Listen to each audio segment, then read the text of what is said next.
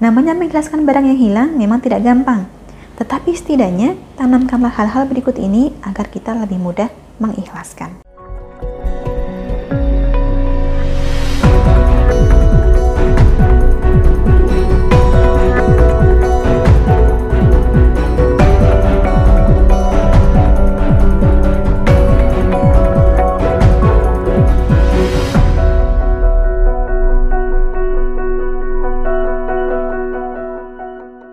Salam Rahayu, kembali lagi dengan saya Dewi Suntari. Nah, apa kabar Anda hari ini?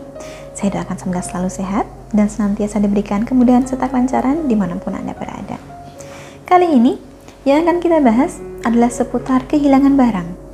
Karena masih sering saya ditanya soal bagaimana caranya mengembalikan barang hilang. Apakah kira-kira masih bisa ditemukan lagi? Untuk itu, terlebih dulu perlu saya tekankan dari depan bahwa saya tidak menyediakan layanan untuk mengembalikan barang hilang Zaman dulu, amalan putar giling memang banyak diamalkan untuk mengembalikan barang, tetapi di masa sekarang ini lebih banyak diamalkan untuk mengembalikan perasaan pasangan. Setiap kali menerima pertanyaan dari mereka yang mengalami kehilangan barang, jawaban saya pasti selalu sama, bahwa ada baiknya kita ikhlaskan dulu. Bila masih berjodoh, bila masih rezekinya, pasti akan ketemu. Bila tidak, yakinlah Tuhan akan mengganti dengan yang jauh lebih baik. Siapa tahu dengan peristiwa kehilangan ini, kita justru bisa belajar menjadi pribadi yang lebih hati-hati dan waspada, serta lebih menghargai apa pun itu yang saat ini kita punya. Namanya mengikhlaskan barang yang hilang memang tidak gampang, tetapi setidaknya tanamkanlah hal-hal berikut ini agar kita lebih mudah mengikhlaskan.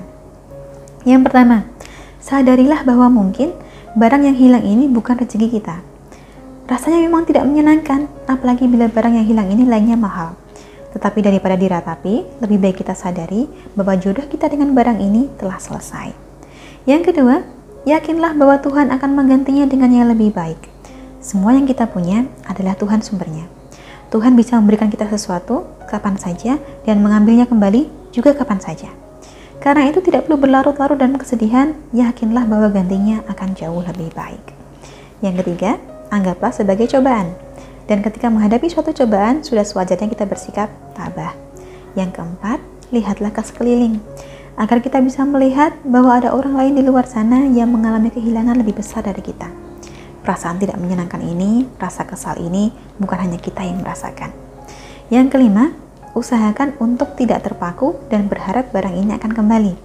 Semakin kita mengharapkan barang ini untuk kembali, akan semakin sulit kita merasa ikhlas. Yang keenam, Mari mencari hikmah di balik kehilangan ini.